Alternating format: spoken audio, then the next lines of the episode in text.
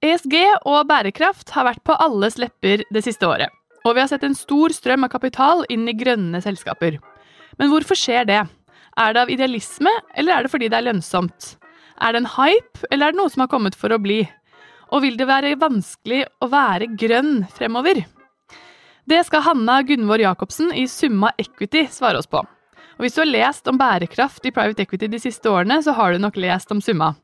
Summa var nemlig et av de første fondene i verden med bærekraft og ESG som en integrert del av sin investeringsstrategi da de starta i 2016. Det er jo bare fem år siden, men det har skjedd veldig mye på ESG-fronten på de fem årene, og det skal Hanna fortelle oss mer om. Velkommen til Unotert.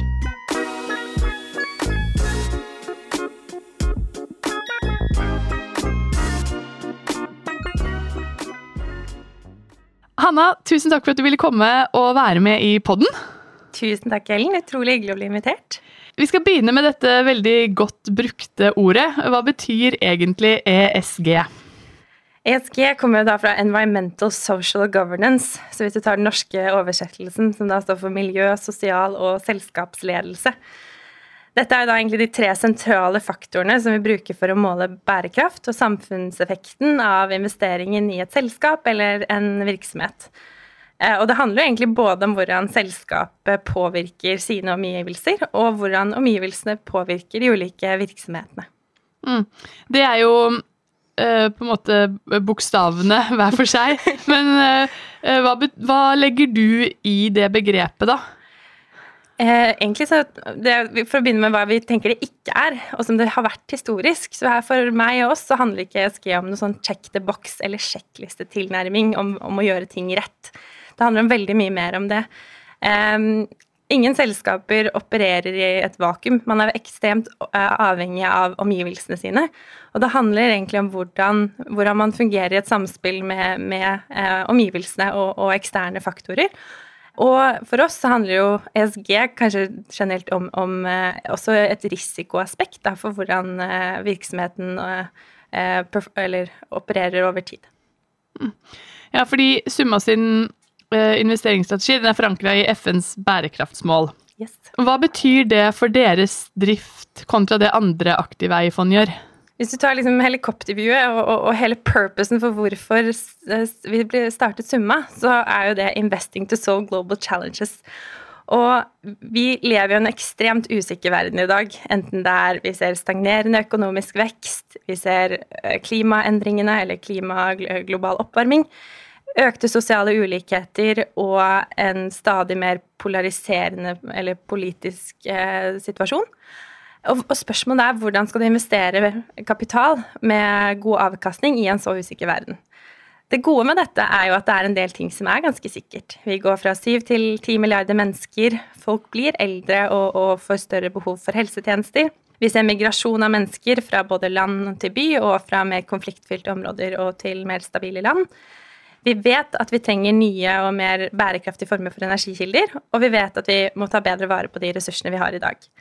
Og vi har jo bygget hele strategien vår på et ønske om å være en del av løsningen på disse problemene verden står overfor. Og vi mener jo at FNs bærekraftsmål og disse 17 målene, som egentlig er 17 problemer som verden står overfor, er et veldig godt rammeverk for å, å finne de gode investeringsobjektene eh, over tid. Fordi vi tror at disse megatrendene som jeg nevnte, da, egentlig vil hjelpe selskapene til å få en eller annen form for tailwind i, i veksten eh, fremover.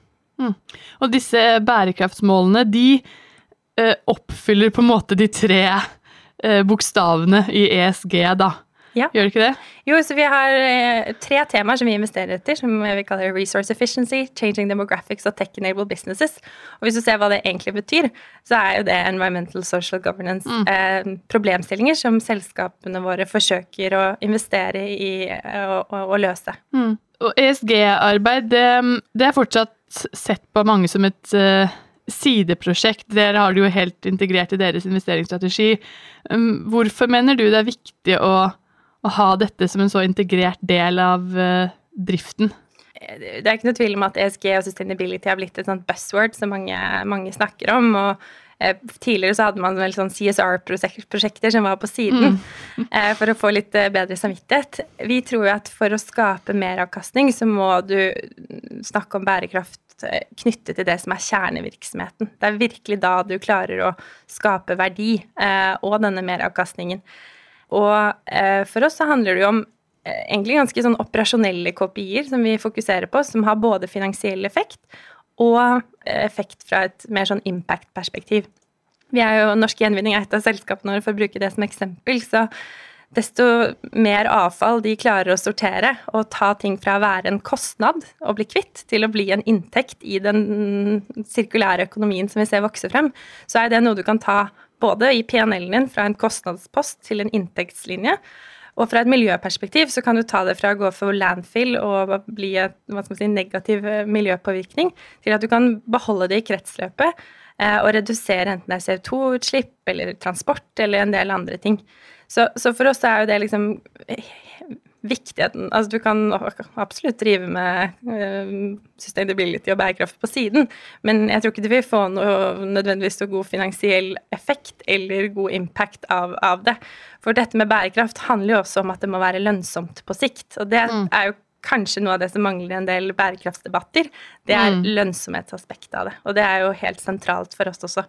Mm. Eh, vi er ikke, vi har, det er ikke sånn at vi har et kompromiss mellom eh, avkastning og impact. Vi tror jo heller at hvis selskapene våre virkelig kan være med på å løse et problem, så vil jo det skape mer avkastning over tid. Fordi at du, du, du vil være mer future-proof, og du vil øke markedsandelen din, øke veksten og øke lønnsomheten i forhold til ikke gjøre det. Hmm. Da er du litt inne på driverne, da, for hvorfor man skal tenke mer grønt. I tillegg til lønnsomhet, som du nevnte nå, hva tror du er andre største driverne for å tenke mer uh, grønt i WCP i dag? Jeg tror dette er en litt sånn uh, en trend som man har sett. Tilbake i 2016, da vi hentet vårt første fond, så var det ekstremt stor skepsis knyttet til vårt bærekraftsfokus generelt. Eh, og det var denne redselen for at ikke vi ville skape god nok avkastning med investeringene våre. Da vi hentet vårt andre fond i 2019, så var skepsisen litt mindre. Men, men hvis vi har sett den utviklingen fra det, og nå eh, bare de siste to årene, mm. så har jo det gått fra å være fra hva skal man si, eh, først en, en stor hørdel til så å være litt nøytralt, mm. til nå å være den store grunnen til hvorfor også folk ønsker å investere i Summa. Og jeg tror jo dette blir jo et sånn evig økosystem hvor mange av investorene har investert i mange fond, så jeg tror det er et driv fra mange steder. Eh, men vi ser jo et kjempedriv fra investorsiden, hvor de Altså vi, vi forvalter jo penger på vegne av pensjonsfond, utdanningsfond, langsiktige penger som også har ansvarlighet som en del av sin drift, og, og, er mm. helt avhengig av det. Og da tror jeg man begynner å få en litt sånn mer generell forståelse nå om at du må faktisk ta hensyn til eh, omgivelsene dine. Og, eh, mm. Du er, har, er, nødt til å ha eh, en ansvarlig produksjon, enten det er fra et miljøperspektiv eller fra et sosialt perspektiv eller governance-perspektiv. Mm. Eh, så det er vel en mer sånn generell forståelse om, om viktigheten av disse tingene. Mm. Vi så faktisk det vi gjorde en, i NVCA, en undersøkelse om de viktigste driverne for mm. medlemsbedriftene våre i 2019 for hvorfor tenke ESG og, og bærekraft. Og da så vi det at press fra LP-er, mm. limited partners, da, og investorene inn i fondene, var en veldig viktig driver. Ja. I tillegg til selvfølgelig lønnsomhet, compliance og en del andre ting. Men um, så jeg tror definitivt det er noe i det. Ja, og sånn, hvis du ser på bransjen vår, så er vi avhengig av å få penger, og helst liksom gode penger mm. som, fra gode investorer som, som, er langsiktige og støttende.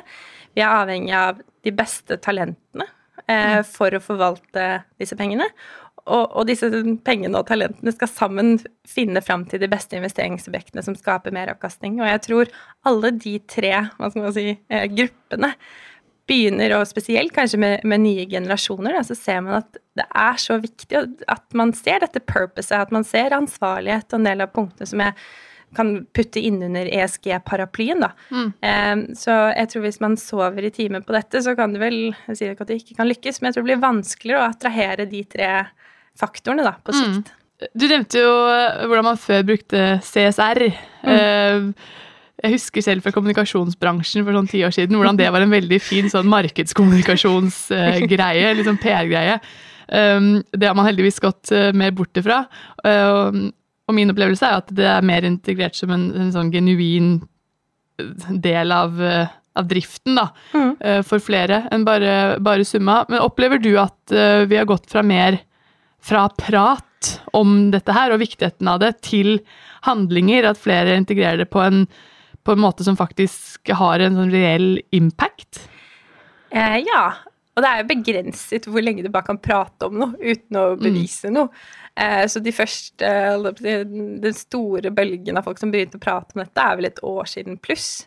Og på et eller annet tidspunkt så går du da fra å kunne bare måtte, eller kunne prate om det til å måtte bevise det. Mm. Og, og, det kan vi kanskje komme mer inn på, men, men det er jo det er ikke helt lett nødvendigvis å bevise dette med impact heller. Jeg tror alle i vår bransje har et ganske god forhold til PNL-en sin og liksom de finansielle tallene, mm. men bærekraftsdelen av rapporteringen er jo vanskelig.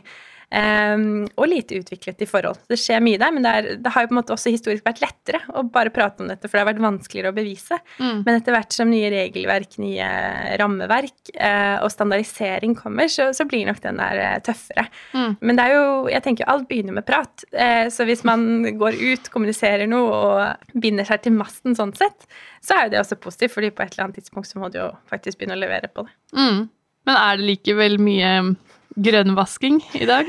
Det er jo det. Og det er jo mange glossy, fine rapporter der ute eh, fra bransjer og selskaper hvor jeg ikke tror dette nødvendigvis eh, sitter så nært verken kjernevirksomheten eller at eh, bedriftene nødvendigvis føler seg så committed til det som står der. Eh, men igjen, det er jo en start. Da, når man har gått ut og vært så eksplisitt mot noe, så må man jo kanskje starte den reelle omstillingen også.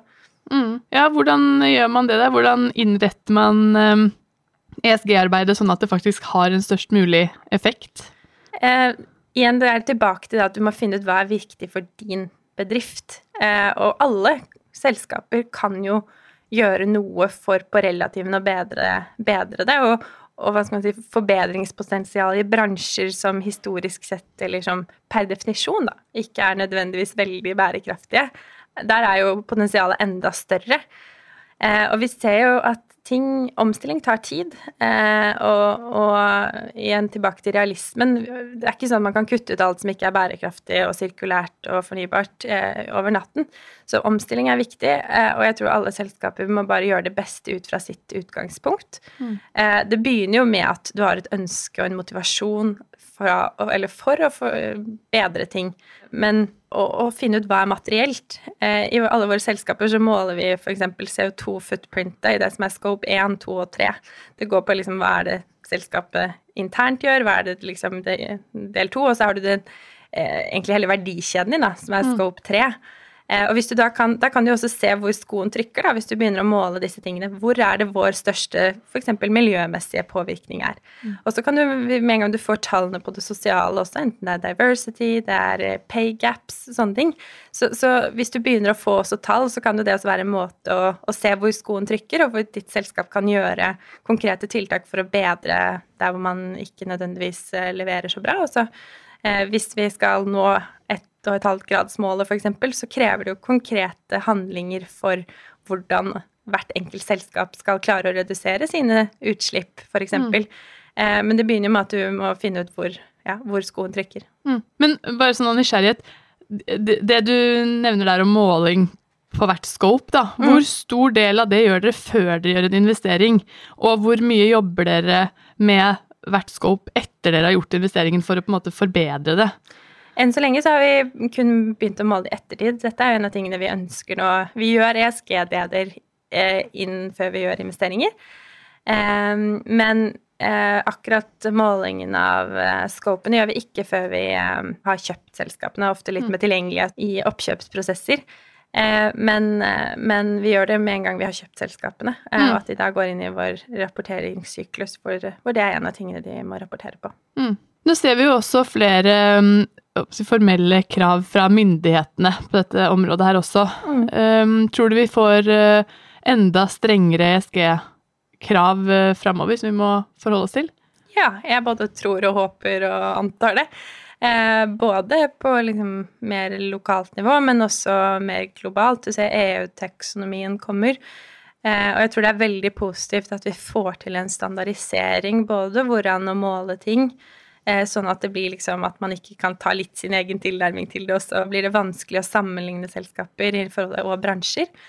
Så jeg tror en sånn form for standardisering er utrolig bra. Og så er det, igjen for å ta norsk gjenvinning som et eksempel, det at du får myndighetskrav rundt resirkuleringsgrad på byggeplassen, det er jo et enormt push for alle, både norsk gjenvinning, alle som entreprenører, alle utviklere, alt som skal Hele Og produsenter. At mm. alle har ett felles mål å jobbe mot. Og der er man helt gjensidig avhengig av hverandre.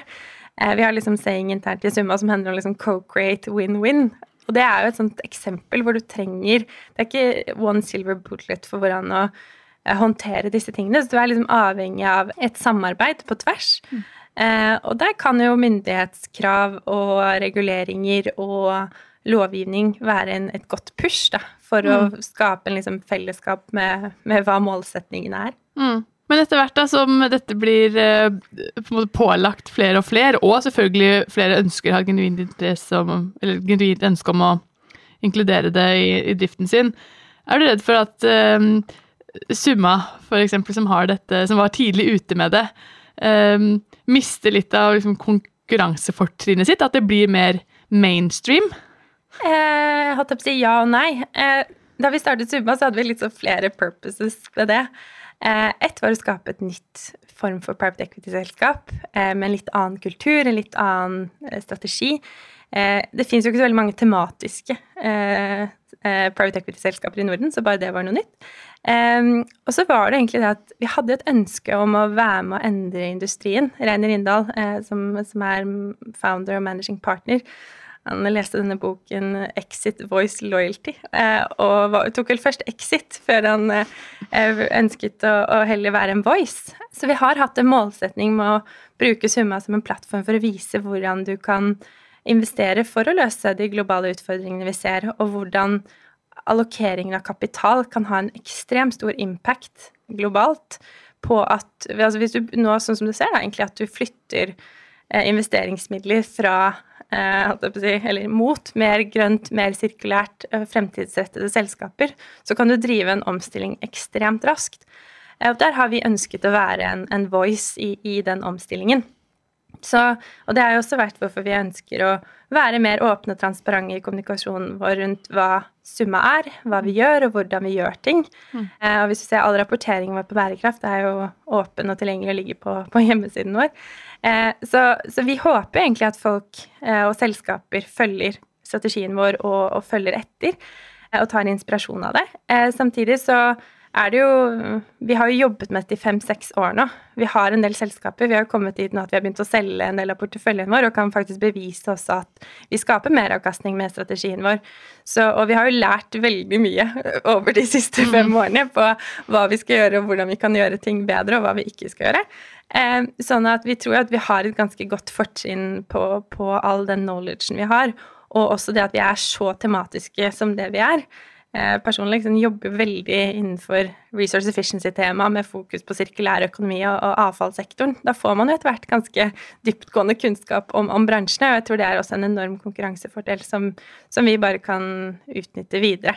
Mm. Men vi syns det er veldig hyggelig at andre inspireres og følger etter. Mm. Du, har du noen tips til de som eh, enten om de ønsker å starte et nytt fond, eller eh, ønsker å bli investert i, eh, på man skal, eh, hvor man skal begynne med å ta, inkorporere dette i, i strategien sin?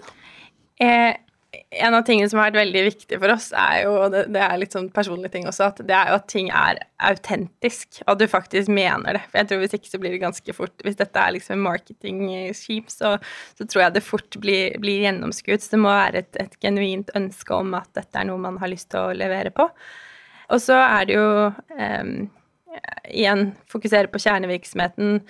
Eh, ha en ganske klar strategi. Jeg tror man kan ikke være best på alt. sånn at man, man velger seg noen temaer og fokusområder som man, man, investerer i. Og jeg tror ting blir jo mer spesialisert etter hvert. og hvis du ser på private equity-historien, og det har det vel vært noen seanser om før her, så, så, er det jo med den økende konkurransen som er, og med den økende graden av kapital som blir, kommer inn i spacet, både fra nye norske og nordiske fond, men også globale spillere som ser til det nordiske markedet, så er det ekstremt stor konkurranse mm. om dealene. Og da tror jeg det å ha den bransjekunnskapen og kunne Det hjelper ikke å bare komme med kapital lenger. Du ser at du skal komme med ganske mye annet også å tilføye selskapene, mm. som i mange tilfeller har ekstremt stor Eller mange valgmuligheter på, mm. på hvor, hva, hva, slags type kapital man skal hente inn, og hvem man skal få det fra. Så, så der har vi forsøkt å liksom både være en åpenbart ha, ha, ha, kapital tilgjengelig, men også kunne bidra både med teamets eh, kompetanse, et bredere rådgiverspekter, og, og kunne være en, en, partner for dem da, i en, en vekstperiode, så, som er den fasen hvor vi eh, fokuserer på. Mm. Jeg må også spørre deg hva du tenker om eh, den boomen vi ser av grønne selskaper som noteres på, på Euronext Growth. Eh, er det en hype, eller er det noe du tror har kommet for å bli? Eh, godt spørsmål. Eh, jeg tror vel liksom den underliggende trenden kommer, har jeg veldig stor tro på. Men det er jo en del selskaper som har blitt notert i det siste på ganske luftige valuations basert på, hva skal man si, eh, fine slides og gode ideer. Eh, og i den grad det blir en boble eller ikke, handler jo om selskapene faktisk klarer å levere på de planene som de har eh, gått ut i markedet med. Eh, jeg tror nok eh, rent personlig at man kan vente seg en eller annen form for korreksjon der. men, men det er jo litt det samme hvis du ser tilbake til liksom dotcom-boblen den gangen. Så ja, vi får nok sikkert en eller annen form for korreksjon, men jeg tror nok det underliggende og de selskapene som er, har mer fundamental verdi, og som, som, har livets rett på sikt, vil, vil, overleve det. Og så er det vel litt sånn markedskrefter som, som vil påvirke det. Eh, samtidig så vil jeg også påpeke, vi investerer jo ikke i noterte selskaper og, og forholder oss jo kun til det, liksom Eller stort sett så gjør vi eh, direkteinvesteringer hvor vi har majoritetseierskap, og hvor vi har ganske mye mer kontroll og, og langsiktighet da, enn en type Merkur, eh, eh Merkur eh, og, og Your Next Growth. Men, men det er jo også positivt at uh, unge selskaper kan få tilgang til kapital for å vokse. For det er jo det vi ser. Det er jo mm. utrolig mange kule selskaper med gode løsninger på de problemene vi står overfor. Sånn at det å, å tilgjengeliggjøre kapital for de virkelig gode løsningene, det er jo bare positivt. Mm. Hvordan tror du denne grønne trenden eh, vil utvikle seg fremover, da? Jeg tror nok eh, ja, vi fortsetter liksom mye av det vi ser i dag, men, men gå fra mer fra litt sånn generelt prat til mer konkret handling og forhåpentligvis at man kan også bli mer konkret når man snakker om hva dette er. For det har jo vært liksom eh, Man snakker, hører mye om grønn, grønne skift og grønn bølge og bærekraft og sirkularitet uten at liksom, når du dobbeltklikker på det, hva det egentlig betyr. Um, og, så jeg tror nok liksom det underliggende bare vil, vil, fortsette, og at fokuset på dette blir sterkere. Det har vært veldig mye fokus på miljøsiden. Eh, jeg tror kanskje sos, liksom, sosiale siden kommer, eh, kommer, til å få mer eh, Kanskje enda mer fokus. Eh, og forhåpentligvis så Altså EU-taksonomien er veldig fokusert inn mot miljø. Så det å få noen standardiserte rammeverk også for å, å se på, på, det sosiale blir viktig. Eh, og governance har jo egentlig vært liksom mer i fokus over, over lang tid, men, men, med digitaliseringen og en del sånne ting som skjer, så, så blir det jo nye problemstillinger til stadighet på hvordan, hvordan håndtere det. Men vi tror og håper at, eh, at eh, fokus og utviklingen vil fortsette, men kanskje noe mer konkret og med mer substans da, enn det det har vært hittil. Mm. Så bra. Jeg tror vi lar det være eh, siste ord. Jeg skal bare oppsummere kort eh, hva du har sagt på de siste ca. 25 minuttene. Du har gitt oss en definisjon på begrepet ESG, eh, som betyr environmental, social og governmental. Men du har forklart hvordan man uh, får dette til å fungere i et samspill med omgivelsene, eller at det er på en måte det viktigste dette, for å få dette begrepet til å fungere i praksis. Du sa det at um, det er helt avgjørende å knytte ESG til kjernedriften. At det er først da du klarer å, å skape verdi. Og apropos verdi, at, kanskje, at du kanskje ønsker enda mer prat om lønnsomhet inn i debatten om ESG. Um, at det er en veldig viktig driver for å, for å tenke mer grønt. Da. Sammen med også fokuset fra samfunnet og investorene i fondene, som også er viktige drivere fremover. Du nevnte det at det er positivt med standardiseringen som vi ser uh, i større grad, f.eks. gjennom EU-taksonomien, som også kommer hit til lands uh, snart. At det gjør det lettere å sammenligne mål og, og performance. Uh, men du mener likevel at det er viktig at dette er et genuint ønske som man virkelig ønsker å levere på, ved siden av det som er compliance-delen av det. Og at det er viktig å velge seg noe, noe man ønsker å fokusere på. At man ikke kan være god på alt. Så det er lurt å spesialisere seg litt. Så sa du avslutningsvis at uh, du tror vi får en korreksjon av den grønne bølgen, uh, men at det fortsatt vil være en positiv utvikling i riktig retning. Og at du tror vi vil gå fra mer, uh, enda mer fra prat til handling. Og forhåpentligvis enda mer i, i S-delen av ESG, sosialdelen, siden miljø og, og government-delen har, har hatt stort fokus til nå. Høres det ut som en grei oppsummering. Det syns jeg var en veldig effektiv og god oppsummering av det jeg har brukt 25 minutter på å si. Så, så bra. Men det hadde ikke kommet hvis ikke du hadde fortalt om det. Så tusen takk for at du eh, kom og stilte opp. Og tusen takk for at jeg fikk komme. På gjenhør.